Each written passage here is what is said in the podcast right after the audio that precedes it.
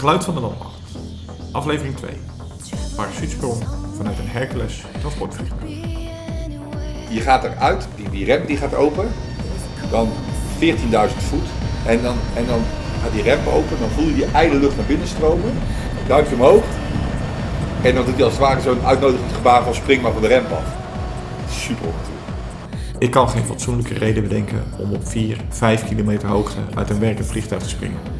Maar net als mijn jaargenoot en oud-commando Daan, wist ik dat er vanaf het moment van instappen in de Hercules geen andere weg meer terug zou zijn. Hij vertelt me over zijn vrije val.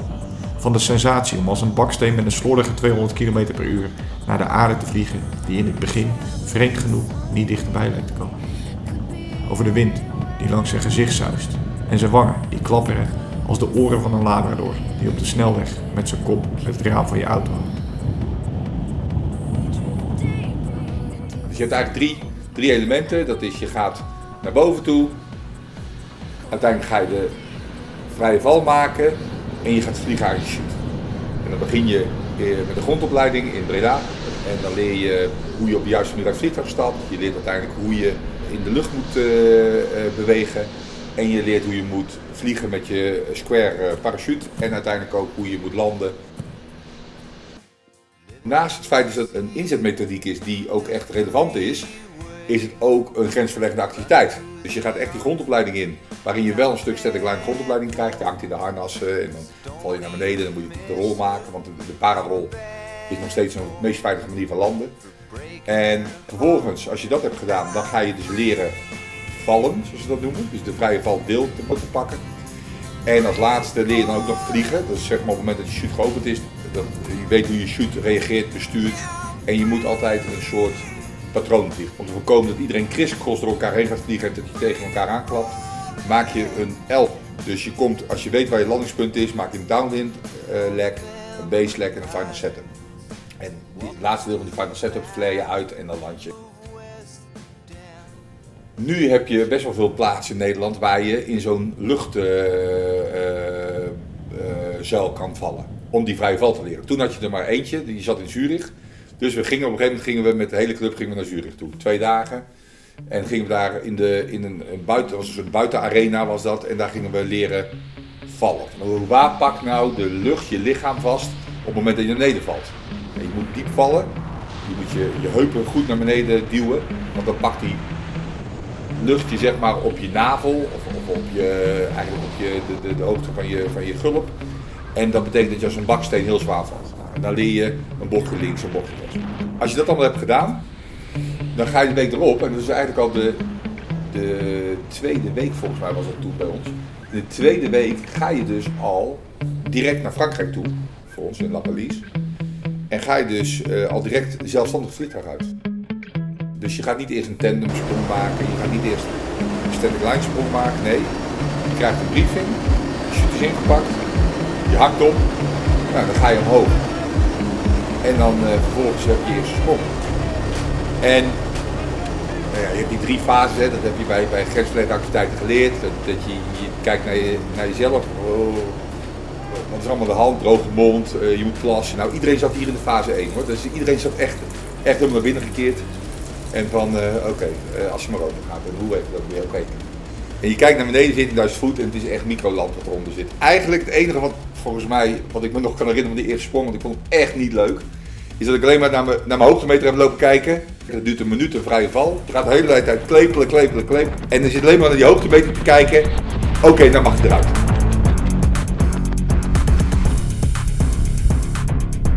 En dan land je. En niemand landde bij de landingsplek waar hij moest landen. En linksom en rechtsom zie je lui alleen maar met zulke grote ogen die echt alleen maar je aanstaren van... Wow, wat was dit? Gasten die lopen te braken in het zijterrein. Uh, echt gewoon van, dit ging helemaal nergens over. Nou, vervolgens pak je je shoot op. Je gaat je shoot vouwen, die moet je zelf vouwen. En je gaat weer de lucht in. En je gaat dezelfde ervaring aan. En zo ga je langzaam, ga je springen uh, verfijnen. En eigenlijk, hoe ervarener je bent, hoe rustiger je natuurlijk in het toestel zit. Maar bij die, die, die appel uh, uh, calls, dan klappen ze twee keer in handen.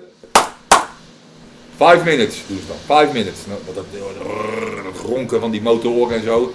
Dus, maar dan hebben ze met meters gedaan, met hartslagmeters. Dan zie je dat lui toch iedere keer even weer zo'n piekje krijgen. Ongeacht hoe ervaren je ook bent. En dan two minutes, stand up. En dan zeggen ze, dan gaan ze weer klappen. Dan doen ze zo. En dan ga je in de positie staan waarin je van die rem afspringt. One minute, dan gaat die klep open. De klep gaat open. Je dus weer die kou, die neus gaat er, maar je hebt toch een bepaalde eh, spanning die je erin hebt zitten die, die gezond is. Is hier al erg omgeving, laten we eerlijk wezen. Draai je om, dan kijk je de instructeur in de ogen. Dan ga je staan in de houding zoals je moet. Op, neer, hol en spring je af van de ramp. Ben je alleen aan het vallen? Dat is wel.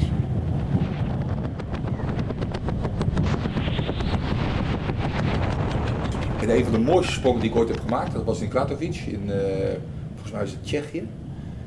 En toen eh, waren we al eh, ver gevorderd met springen hoor. En kijk, soms kun je hele dagen wachten omdat het slecht weer is. Als het, als het wolkendek dicht is, mag je niet, mag je niet springen. Want je moet vanaf 14.000 voet moet je grondzicht hebben. En toen in Kratovic had- hadden we hier en daar een wolkje, meer, meer hier dan daar. Maar toch gingen we eruit. En er is natuurlijk niks zo baal dat je omhoog gaat 14.000 voet en uiteindelijk bovenaan kom je erachter, we kunnen niet springen, je moet weer naar beneden. Dus uiteindelijk zeiden ze van oké, we gaan eruit. We, we kunnen het aan, een ervaren team. Dus we, vlogen eruit en we openden hoog. We openden op tussen de eh, eh, 13.000 en 14.000 voet. En moesten zo'n lange vlucht maken. En toen vlogen we eigenlijk tussen verschillende eh, hoogtes van wolken in. En dat vond ik, en het was dus zon die schijnt. En dan heb je die wolken die zich zeg maar in een bepaalde, ja, als een soort super slagroom eh, links en rechts van je hebt. En je vliegt er doorheen, want je wil niet in een wolk zitten, omdat je en thermiek hebt. Plus het feit, je ziet, je, je ziet de maatjes niet. Dus je kan ook mid-air collision hebben als je die wolk in gaat. Dus je, je, je flaneert als het ware tussen die wolken door naar beneden toe. Ah, dat was, dat was echt magisch. Dat was echt, dat was echt zo gaaf dat ik dacht van wow.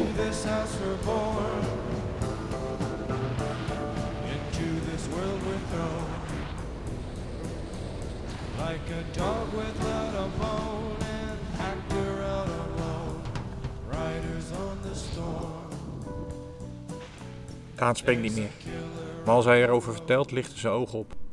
Ik heb een kwartje in een jukebox gegooid, die nu maar blijft vertellen. Super natuurlijk. Over de jumpmaster die achter een collega aanduikt, die knock-out gaat omdat hij verkeerd afspringt en met zijn kin de achterklep van de Hercules raakt. 17 hechtingen. Maar een dag later staat ook hij gewoon weer achter in de Hercules. Ondanks de vele missies die Daan in Afghanistan, Irak en andere gebieden draaide, heeft hij de sprong nog nooit als een ernst inzet gemaakt. Voor het echt. Er is maar één team, voor zover hij weet. Acht mensen die dat in Afghanistan gedaan hebben. Als ik wil, kan hij me wel een nummer geven van Richard, een optiebal. Nieuwsgierig pak ik mijn telefoon en bel.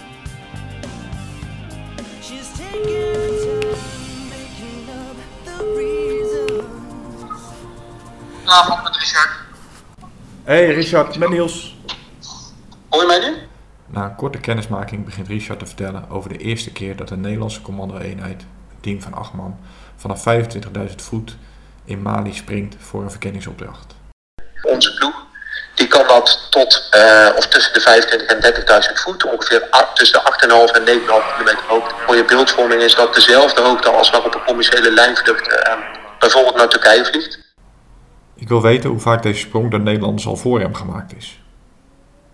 Deze sprong die ik heb gedaan nog nooit, omdat dat van, van, eh, vanaf 25.000 voet was met zuurstof. Dat, dat had Nederland nog nooit gedaan en die, die heb ik twee keer mogen doen. En daarna is het ook nooit meer gedaan. Hij vertelt over de voorbereidingen voor die opdracht. Eh, maar die opdracht werd goedgekeurd. En wij, eh, ja, wij kregen de opdracht om daadwerkelijk voor te gaan bereiden. ehm, om een verkenningsoperatie uit te gaan voeren voor een aantal dagen.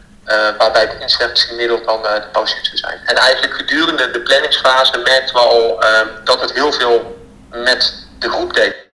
Hij belooft me om me in een paar minuten tijd door die ervaring heen te loodsen. Maar een half uur later zit ik nog met ingehouden adem naar hem te luisteren. Ik was zelf eh, was ik vijf, vijf of zes in de rij. En ik zag iedereen voor me de klep verlaten. En eigenlijk het enige wat je hoort is ja, een hele harde wind. Dus ook, en dat betekent dat iemand voor je dus ja, het vliegtuig verlaat. Je voelt daadwerkelijk die zo'n een beetje bewegen. En door de wind, eh, door het vacuüm dat die trekt, ja, ver- verlaat iemand eh, gewoon het vliegtuig. En binnen een, eh een 2, 3, 4 seconden val je 250 km per uur verticaal iedereen voor me die viel de klep af. En eigenlijk van het moment dat ik zenuwachtig was, toen we in de stek stonden, tot het moment dat ik mijn shoot aangaf, toen, toen was heel die spanning verdwenen. En was ik helemaal bezig met eh, hoe ga ik eigenlijk het vliegtuig verlaten. Wat, wat, wat is voor mij op dit moment belangrijk? Nou, dat, dat, voor mij was dat mijn armen strekken, hoofd in de nek en eh, ik heb me laten vallen. En na eh, een aantal seconden heb ik mijn chute open, geopend om, omdat we een HO deden, dus een high altitude, high opening geven op de radio van iedereen te horen. Ja, operator en dan zijn naam. de chute is open, geen bijzonderheden, we gaan vliegen.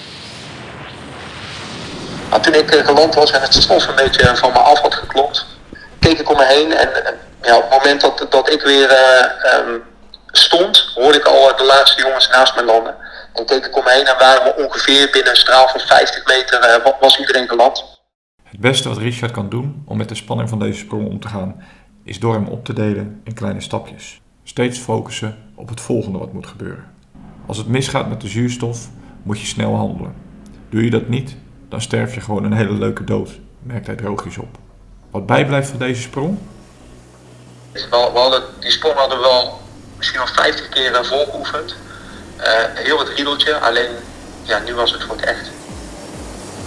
Wij als eerste Nederlandse commando's een parachutesprong hebben gemaakt van 25.000 voet. Ehm, en, en wat zeker eh, ook wel, denk ik, in, de- in de boeken gaat, gaat komen. Super natuurlijk. Echt iets magisch.